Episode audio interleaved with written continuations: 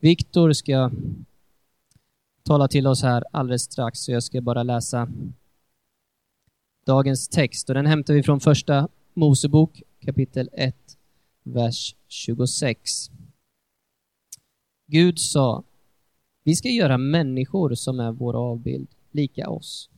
De ska härska över havens fiskar, himmelens fåglar, boskapen, alla vilda djur och alla kräldjur som finns på jorden.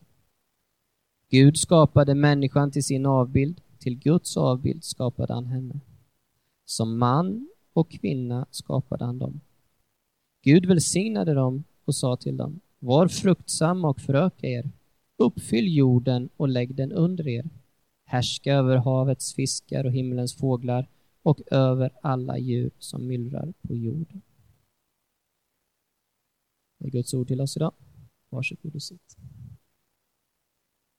Ska vi innan vi eh, eh, gräver oss in i detta eh, bara sluta våra ögon i ett par sekunder eh, och be en Gud, en bön till den här himmelens Gud som vi tror på. Tack Herre för eh, ditt ord som nu talar till oss. Tack Herre för att du låter oss samlas på det här sättet och få ta del av det du har att säga. Jag ber dig Gud att du ska uppenbara det för oss var och en. Ge oss av dig själv, ge oss av förståelse för vad det är du vill ha sagt, för varför du skapade oss. Vi ber om det i ditt namn. Amen. I fredagskväll så fick jag en eh, trevlig eh, gåva av eh, min kusins hustru. Det är inte varje dag jag får en gåva av min kusins hustru. Eh, men eh, det var så den här gången. Eh, vi gick på föreställningen Ägd av, med eh, Schyffert och Lindström, vad de nu heter. Henrik och Fredrik heter de väl. Eh, och eh, det grep tag djupt, kände jag. Eh, om det är någon av er som har varit på den här ägd så, så, så, vet ni själva. Och om ni har varit på någon av de andra, typ Ljust och fräscht eller vad hette den vi senast gick på? Svenskar är också människor, Eh, så hette den. Eh, det griper ju tag en del. Eh, Fredrik och Henrik, de har en del idéer och mixar ihop det här på ett ganska härligt sätt. Bland annat så, den här handlade om ekonomi och eh, hur vi människor har på något sätt tidigare haft en religion som hade med Gud att göra och numera har en, en religion som har med oss själva att göra, som har med ordet billigt att göra och som har med pengar att göra. Eh, och hur vi har liksom tagit den här gamla gudomen och sparkat ut honom och nu har satt in en ny eh, och den handlar ganska mycket om det här med billigt, det vill säga att man kan komma åt saker via genvägar, tjäna pengar utan att jobba eh, och så vidare. Och det grep tag i mig och eh, jag kände det där, det där gav mig någonting in i det jag ska prata om idag, nämligen att vara människa på riktigt. Eh, och det skulle jag så här inledningsvis vilja säga att eh, det är någon av er som har sett den här eller framöver går och ser den, för jag skulle verkligen rekommendera att ni gör det, för de är, eh, det de säger är närmast profetiskt till oss i vår tid, oavsett om du tror på den här Jesus som vi tror på eller inte. För det, det är otroligt viktigt kändes det som. Bra. Att vara människa på riktigt utifrån Genesis, eller Första Mosebok 1, 26-28. Först av allt så skulle jag vilja eh, vända oss och blicka till det här, den här första delen som alltså är eh, skapad till Guds avbild, har jag kallat den, eh, från sådär, tack så mycket. Vi ska göra människor som är vår avbild, lika oss, och Gud skapade människan till sin avbild. Till Guds avbild skapade han henne, som man och kvinna skapade han dem. Och då tänker jag så här att det finns typ tre saker som man plockar ut ur de här verserna som är liksom viktiga att få med sig. Och det är några ord som på något sätt eh, blir svåra eller som möjligtvis eh, bryter med oss och det vi lever i. Och det har dels med det här ordet skapa, eller skapad, det har med avbild att göra och det har med det här manligt och kvinnligt, passande nog så här på internationella kvinnodagen. Och det här känns, jag är jättenöjd med att det hamnade precis så, för det här är otroligt viktigt. Hur som helst, skapad. I de här verserna som vi nu eh, har framför oss då, så eh, finns ett av mänsklighetens avgörande ögonblick skulle man kunna säga. Eh, innan Gud har skapat människan så finns människan eh, inte. Det, den är svår, jag förstår det. Och eh, när han har skapat människan så finns människan. Alltså, du vet, det är precis här som människan blir till som varelse. Och då kan man ju tänka sig att det finns lite grann att hämta där kring varför är vi människor och vad ska vi göra? Och vad är liksom poängen? Du vet, några sådana frågor. Eh, Gud, och det är också alltid viktigt att säga, Gud skapar ex nihilo, ex, alltså ur intet. Det finns ingenting och Gud talar och det blir. I motsats till allt skapande som du och jag genomför, som alltid är ett ihopsättande av en, en eller två gamla idéer till en ny idé i huvudsak. Så funkar eh, verkligheten. Eh, vi skapar ingenting som inte, inte redan finns. Den gemene Svensson, eh, inklusive dig och mig då, eh, så här i, i relation till den här föreställningen ägd, vi tror inte att vi är skapade av Gud. Vi tror inte att vi är skapade överhuvudtaget. Vi tror att det är en slump. Eh, sådär. Och det gör att vi undkommer de här kvalen som det finns att leva upp till. Ni vet att, att om jag är skapad, då, fin, då, liksom, då blir det per definition så är det någon annan som har liksom satt agendan för mitt liv. Och om jag däremot är en slump, då kan jag göra what the F I want, så att säga, eh, i, på härlig småländska. Nej, men alltså då kan jag ägna mig åt precis vad jag vill. Ibland hör ni sådär, ja, lite humanistiskt nu då, att man får ju göra egentligen vad man vill så länge man inte skadar någon annan. Hört någon gång? Det är ju egentligen helt fel menar jag. För, det är ju helt fel i, i största allmänhet, ja, men det är också helt fel, alltså för tesen bygger på någon sån här snällhetsideal som säger så här att ja, vi är en slump, men det, det gör ingenting, för du, och, du, och det gör att du får göra vad du vill, för det finns ingen som har några krav på dig. Eh, men en, en begränsning finns, en moral har vi kvar, man får inte skada någon annan. Men den är ju helt puckad, för jag menar, var kom den moralen ifrån? Det fanns ju ingen alltså, Jag menar att det finns två val här. Antingen så är människan skapad och därmed så finns det liksom nedlagt ett antal, Gud hade en idé så att säga. Eller så är vi en slump och då finns det ingenting. Och då menar jag så här, alltså då, kan det, då är det inte ens fel att skada andra människor. Då kan du göra vad du vill därför att det finns ingen huvudsaklig moral. Det finns inget övergripande som säger så här borde det eller så borde det inte vara. Och jag menar då att det här med att vara skapad och att Gud har liksom lagt in någon slags idé om vår mänsklighet, det är sanningen. Och det är det jag kommer utgå från nu. Allt annat, det vill säga den här slumpen, leder ju till någon slags, någon slags sån här Gollum, någon slags inåt, inåtkrökt människa liksom, som bara är, liksom, går runt och viskar My precious. Liksom. Men för, mig är det, för mig är det en väldigt bra bild på vad det är att vara syndare. Alltså sån som jag är och sån som du är. Alltså det är att vara, att vara lite lätt inåtkrökt så här och liksom ha svårt att lyfta blicken, svårt att se det som är verkligheten. Det vill säga, jag är skapad, det finns någon annan och jag kan lyfta blicken till denne något annat. Det här innebär också i slutändan att jag inte har mig själv att tacka för min egen existens och jag är inte ansvarig för min egen tillblivelse. Det leder till en slags beroendeställning inför Gud. Och vi är därför i så fall skyldiga honom vårt liv.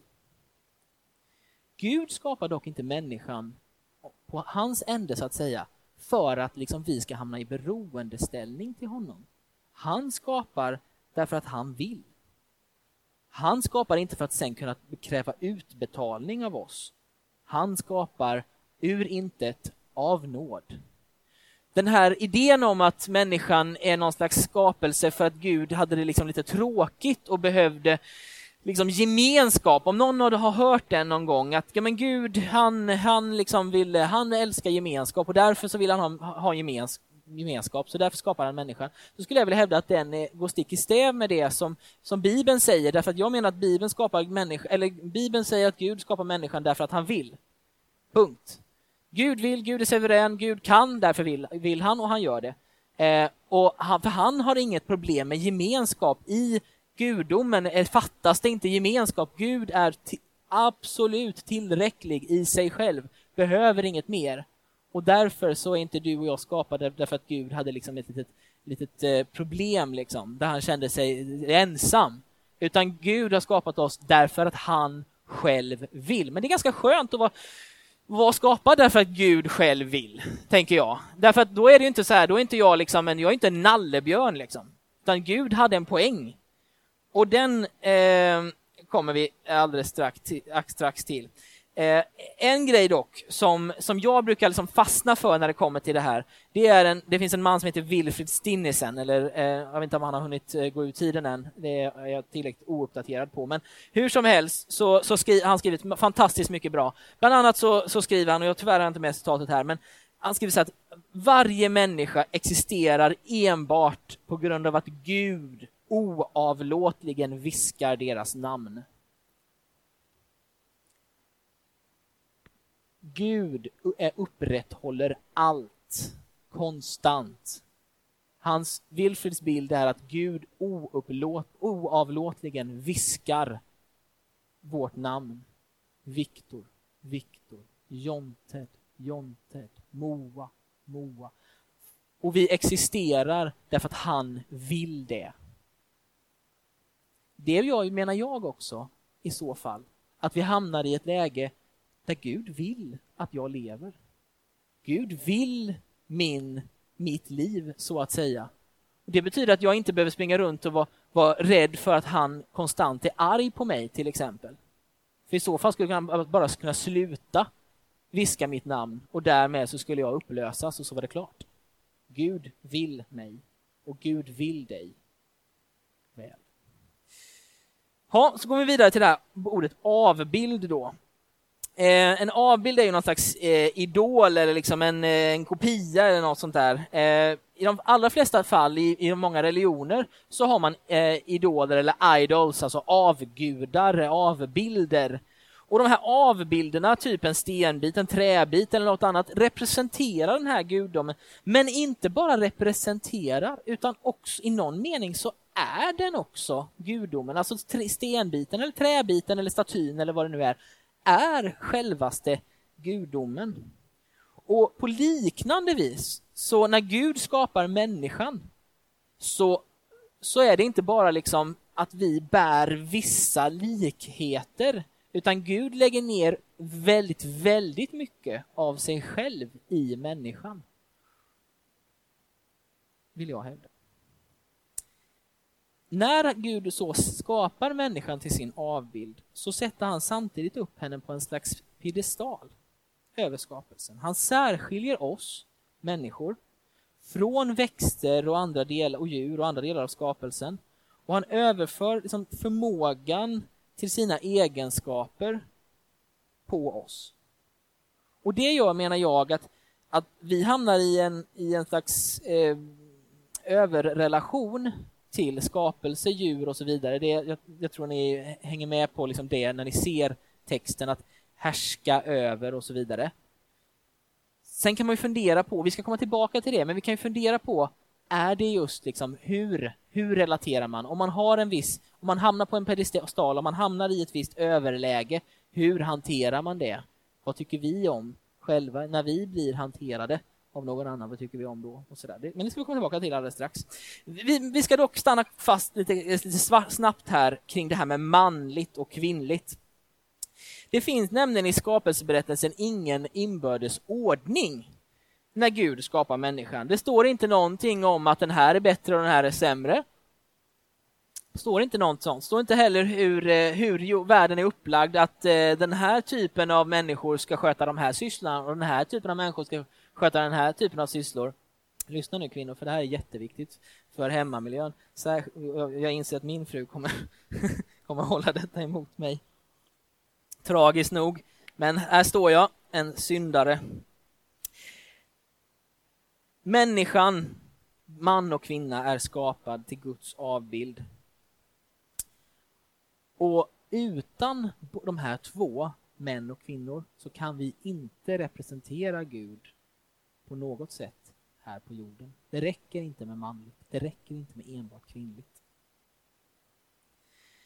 Det är därför avgörande att det finns någon slags harmoni, en god ordning, att det finns förutsättningar att bli likställda och att beslutsfattande blir influerat av både män och kvinnor. Och jag kan ibland med viss sorg tänka på hur konservativ den kristna kyrkan har ställt sig och ibland fortfarande ställer sig till kvinnor.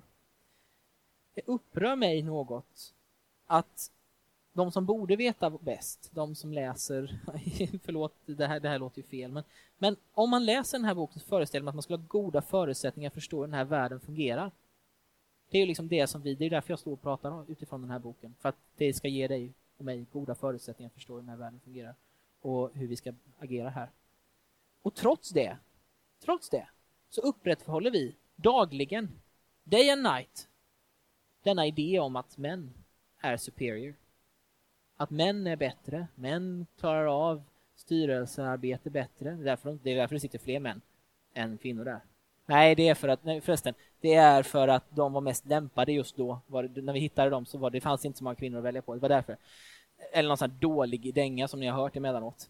Jag menar inte att vi ska, nu ska gå ut och lösa alla de här problemen eh, var helst vi hittar dem. Men jag menar att i den här boken så finns det goda anledningar att tro att kvinnor och män har goda förutsättningar att påverka till exempel beslutsfattande, till exempel sin familjesituation och så vidare. Därför att Gud har lagt ner lika mycket av sig själv i båda dessa två. Det står inte någonstans här, det är en, min nämnda rimliga slutsats, det står inte någonstans 90 procent hamnade hos männen, 10 procent var hos kvinnorna. Bara så att ni vet, så att ni vet vilken fördelning det ska vara sen. Det står ingenting om det och därför det känns det viktigt att stå fast när man sitter i en kristen kyrka. Att säga att vi representerar Gud och hans avbild när vi är både och. Därför är till exempel äktenskapet en fantastisk institution för att den på något sätt ska försöka upprätthålla det. Okej, okay. det var, ett liten, eh, det var inte en avstickare, men det var viktigt att få säga detta kände jag. Därför att, eh, om jag ska sammanfatta snabbt då så här, att vara skapad till Guds avbild, det handlar till viss del om detta. Att vara skapad, att vara avbild och att vara det som man och kvinna. Pang! Nu ska vi över på den roliga delen. Eh, kallad till att skapa och förvalta. Eh, för den här delen tror jag nämligen att du och jag springer runt och, eh, och, och eh, jag vet inte, funderar på ibland kanske. Varför, varför finns vi här? Vad, vad, vad är poängen? Vad, när jag går till jobbet, vad, vad, ska jag göra då? När jag, eh, när jag har fritid, vad ska jag göra då? Vad liksom, ska jag springa i kyrkan jämt ständigt? Eller är det det som är poängen? Eller vad, liksom, vad, vad är meningen med alltihopa detta? Och då läser vi lite snabbt igen i vers 28. Gud välsignade dem och sa till dem var fruktsamma och föröka er. Uppfyll, jo det är ju jättetrevligt, nu vet ni vad ni ska göra. Eh, det, vi, vi, gör det redan så det är bara jättebra. Linus var inne på det här snabbt för er som inte var här innan. Men, eh, så. Var fruktsamma och föröka er, uppfyll jorden och lägg den under er, härska över havets fiskar och himlens fåglar, över alla djur som myllrar på jorden. Det här svenska ordet härska är kanske något missvisande eftersom att jag tänker så här, en härskare härskar kanske med härskarteknik Alltså med, härskare äger inget, jätte, inget så här jättepositiv.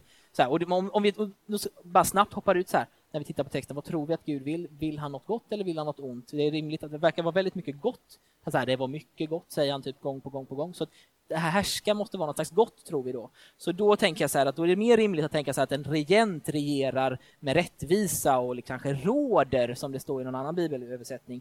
Alltså, det finns något slags gott ägandeskap, alltså gott härskande, gott regerande i den här. Och då går skapelseberättelsen på total kollektionskurs med dåtida eh, föreställningar. En stor skillnad mellan Israels gud och andra gudar var att Gud ordnade det kaosartade. Han lade så att säga kaoset under sig och uppfyllde jorden med godhet. Och som hans avbilder så är vi också kallade att skapa och förvalta, att skapa ordning, skönhet, godhet och att förvalta skapelsens ordning, skönhet och godhet. Att lägga det kaosartade under oss och frambringa godhet, det är vår uppgift eftersom att vi är hans avbilder. Och nu låter detta kanske lite så här pretentiöst, tänker jag. Sådär. Eller det är kanske lite svårt att förverkliga. Hur ska man eh, liksom lägga det kaosartade i världen under oss, mig eller dig? Eh, Linus, hur ska du göra på måndag för att lägga det kaosartade under dig och liksom skapa, skapa ordning och skönhet och, och liksom sådär. Det kan ju, ja. Det, det kan bli mer kaos, precis. Och det kan ju låta, låta pretentiöst. Men Redan i den tidiga kristna kyrkan så hade man problem med några av de här grejerna. Bland annat hade man problem med vad kan en kristen jobba med? Eh, man konstaterade ganska snabbt att man kan inte vara romersk soldat. Eh, man kan inte heller vara tempelprostituerad.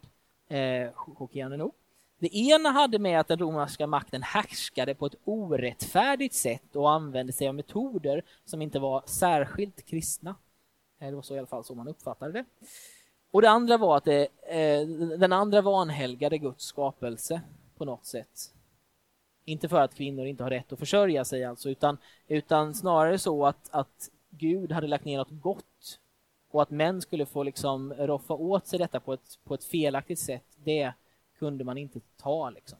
Det, det kändes fel. Ja, många av oss känner liknande idag, så det är inte så jättekonstigt. Eh, men hur relaterar det till vår verklighet? Finns det arbeten idag och sysselsättningar idag som en efterföljare till Jesus inte borde ha? Det kan man fundera på. Jag satt på en arbetsintervju för några år sedan och så att mannen som satt eh, mitt emot mig över bordet, han, eh, han frågade mig om jag verkligen hade möjlighet att leda eftersom att jag hade min kristna övertygelse. Och jag hade inte riktigt fått den här frågan innan, så att, eh, men det var, jag tyckte det var ganska intressant. Vi hade ett ganska intressant samtal. Han sa så här, typ att kyrkan ska väl ta hand om de svaga eh, och det här företaget tjänar mammon ytterst sett. Han använde just eh, det ordet för att han liksom kunde mina terminologin som kommer ur Bibeln, alltså mammon, peng, pengarnas gud så att säga.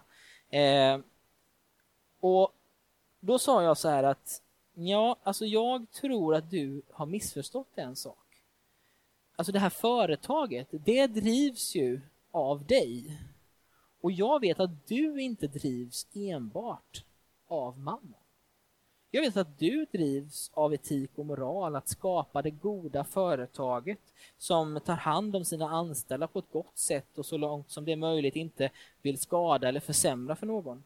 Att jag visste också att han drevs av att inte lura kunden utan att göra goda affärer. Och jag sa, jag sa vidare till honom att jag som kristen är inte kallad att ställa mig till doms över allt och alla. Utan jag är kallad att göra så gott jag kan i denna värld och sprida det som jag har på så mycket och så, så mycket som möjligt. För en gång skulle gjorde jag rätt. Det var jättekul. Det var kul att jag fick berätta det. Eh, så, nej men Ja, bra, precis, precis. Nej, men förlåt då. Men, men, men, eh, men jag tror att det är så. Och jag vill förklara lite hur jag tänker. Att vara sjuksköterska, det är att betjäna de som är sjuka och hjälpa dem till god hälsa. Och det tror jag att livgivaren gillar. Att vara student är att studera någonting av Guds underbara skapelse och det gillar han som är läraren själv. Att vara handelsofficer på en ambassad, till exempel. Det handlar om att länder som handlar med varandra krigar inte med varandra. Det gillar fredsförsten. Att bedriva ett chefsnätverk för att få ledare att känna sig, bättre, känna sig själva bättre och på så vis bedriva sin verksamhet klokare och leda sina medarbetare på ett bättre sätt. Det gillar kungars kung. Att vara produktchef och skapa förutsättningar för att VVS-system eh, bidrar till ett gott eh, infrastruktursamhälle och till hälsa. Det gillar ordningens Gud. Att vara elektriker handlar om att skapa ljus, att eh, lysa upp vår verklighet och det gillar han som är ljuset själv. det lovar jag. Att sälja designprylar, det är att ge förutsättningar för det kreativa skapandet. Det gillar skaparen själv. Att revidera företag är att skapa ordning och reda och se till att allting går rätt till. Det gillar han som kallas rättfärdigheten själv. Att journalistiskt förmedla samhällsnyttiga nyheter och gräva djupare i både det som är rätt och det som är fel, det gillar han som faktiskt är ljuset och sanningen själv. Att vara föräldraledig och uppfostra sina barn, att det är att föröka sig och uppfylla den här jorden och det gillar han som är alla fäders fader. Behöver jag fortsätta? Jag kan fortsätta om ni vill, men jag gör inte det. Den, sprunga, den sprungande, springande Precis, bra Linus! Bra! Bra gjort Linus! Ja, precis, han måste få den. Han gjorde något bra där, vi vet inte vad, men det tar vi en annan gång. Okej, den springande punkten i allt detta, det är huruvida vi är medvetna om detta eller inte, eller hur? Var det någon som kände innan jag upplyste dig om detta att du sprang runt och tänkte på det varje dag när du går till jobbet? För jag tänker nämligen inte på det själv. Men jag blev, upp, jag blev påmind häromdagen nämligen eh, av, av en av mina goda vänner. Som, för jag beklagar, eller jag tänk, hamnade lite, sådär, lite på ett avspår och tänkte så här att ja, men, eh, här springer jag runt och liksom, mitt enda jobb det är att driva in pengar till ett företag ungefär sådär. Eh, och då sa han så här att, hör du, det här med att eh, driva en optisk verksamhet, att göra det så bra som möjligt för människor på arbetsplatsen, att, eh, som jag vet att du brinner för. Är det dåligt eller bra? Vi skulle inte kunna se utan att du och ni gjorde det som ni gör. Och då kände jag så här, just det, jag är liksom också med i den här hälsovårdssvängen, eh, liksom, fast, fast vi är liksom mer, mer, mer privatbrandade så. Ehm, ja och, och, och gillar det här med kreativt eh, formskapande och sådana. Nej, men, nej, men, för, jag vill inte ta ner det här nu, men som att ni ska känna liksom att de väldigt många jobb alltså handlar om att göra precis det här. Så det är inte som att du, när du går härifrån idag, så kommer du inte ha ett jättebetungande uppdrag med dig, för du gör förmodligen redan det. Och om du känner så här betänkligheter inför ditt eget arbete så kan vi prata om det och fundera på om det är ett arbete som, som främjar Guds syften eller om det går emot Guds syften. För det finns sådana arbeten, så det ska vi liksom inte eh, gömma undan på något sätt. Eh, Okej, okay. om vi då lämnar det här, vår, ah, vårt arbetsliv och går in lite grann på, på vår fritid eh, så gillar vi att göra eh, mycket roliga saker. Och Skapandet är ju en viktig del, tänker jag, av vårt uppdrag som människor. Vi älskar ju att klä oss vackert, att eh, utsmycka oss själva. Vi målar och använder vår konstnärlighet till allt gott så, som vi kan komma och tänka på.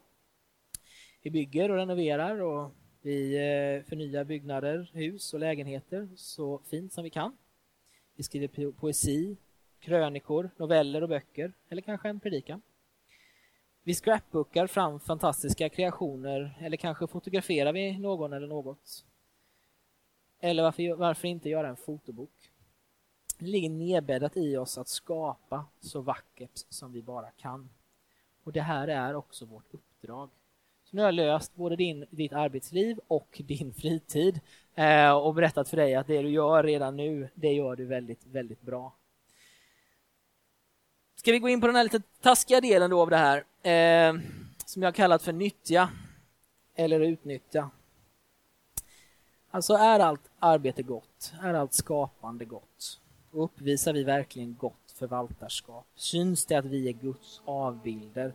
Att vi som män och kvinnor gemensamt representerar Guds karaktär och väsen? Förstår vi att vi är skapade och inte skaparen själv? Nästa vecka ska Linus ta oss vidare in i det som kanske inte är så vackert nämligen mänsklighetens fall, anledningen till att vi alla är Gollum, inåtkrökta självälskare. Men låt mig bara glänta på den dörren något. Vi var tänkta att regera havets fiskar, himlens fåglar, boskapen, alla vilda djur och alla kräldjur som finns på jorden. Så står det Är det inte så att vi utnyttjar det där och istället försöker vi regera varandra? Vi var tänkta att vara avbilder till Gud själv. Är det inte så att vi försöker att göra oss själva till Gud, med all vår uppbådade kraft undvika att tänka på att vi är skapade och står i beroendeskap till någon annan? Vi var tänkta att män och kvinnor tillsammans representerar Guds karaktär. Och så undrar man om inte världshistorien är ett bevis på hur vi män kuvat kvinnor och på så vis vanhelgat vår skapares intention. Vi var tänkta att förvalta jordens resurser och leva i harmoni med Guds skapelse. Istället så uttömmer vi resurserna och dominerar skapelsen. Vi har tänkt att skapa ordning och reda. Så kan man undra om inte 1900-talet är ett bevis nog för att vi hellre dödar, förintar och ödelägger saker. Vi har tänkt att kreera vackert med allt konstnärligt vi gör, alla vackra byggnader, allting. Det skulle vara vackert för Gud. Istället så vanhelgar vi honom i vårt uppror mot honom. Så då undrar man ju liksom så här, vad gör vi? Men jag tror att så här, eftersom att vi är i en kristen kyrka, vi kommer till Gud själv på våra bara knän och ber om förlåtelse. Och sen går vi därifrån och så gör vi bättre. Inte tvärtom, alltså göra gott först och sen komma till Gud, utan komma till Gud först. Säga, vi förstår att det här, det har vi inte lyckats så jättebra med. Förlåt oss för detta. Nu ska vi gå härifrån och faktiskt göra bättre.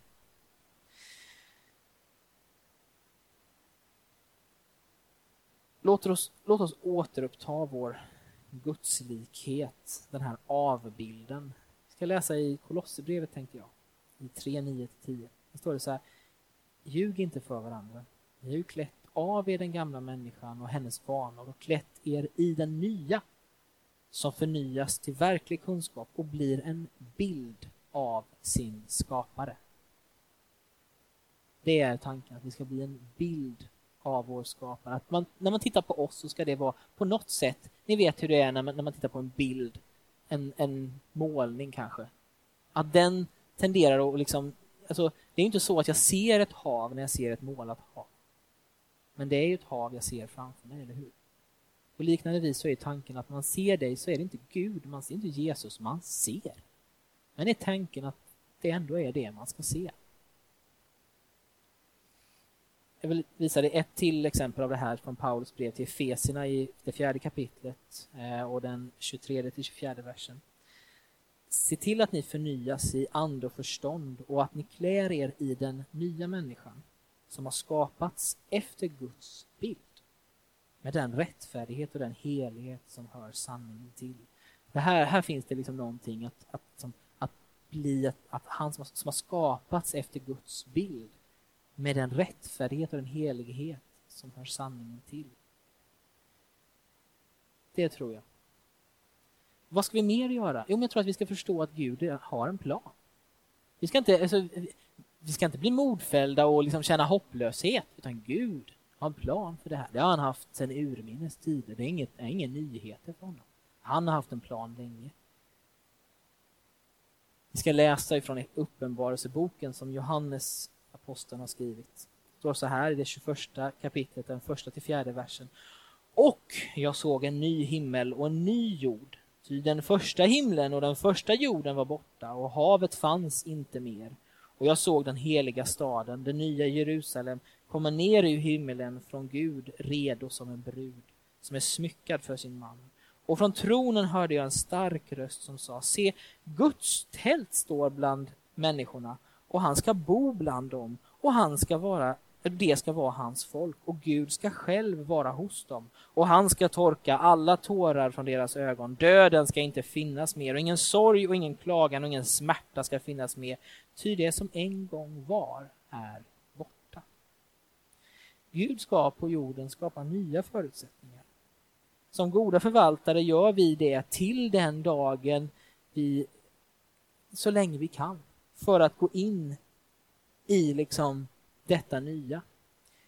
Vi som nu lever här i tiden, vi, vår uppgift blir att gå in i all den här jordens vackra liksom skönhet och mörker. Att som Brad uttryckte det för någon vecka sedan, infiltrera allting och sprida detta Guds ljus. Inte von oben, utan visa på vem Gud är, vad han vill, vad gott förvaltarskap handlar om, vad det handlar om att vara en avbild till honom, vad det är att förstå att vi är män och kvinnor som är hans avbilder. Låt mig kort sammanfatta. Att vara människa på riktigt, det är att inse att jag är skapad och att jag inte är tillräcklig i mig själv.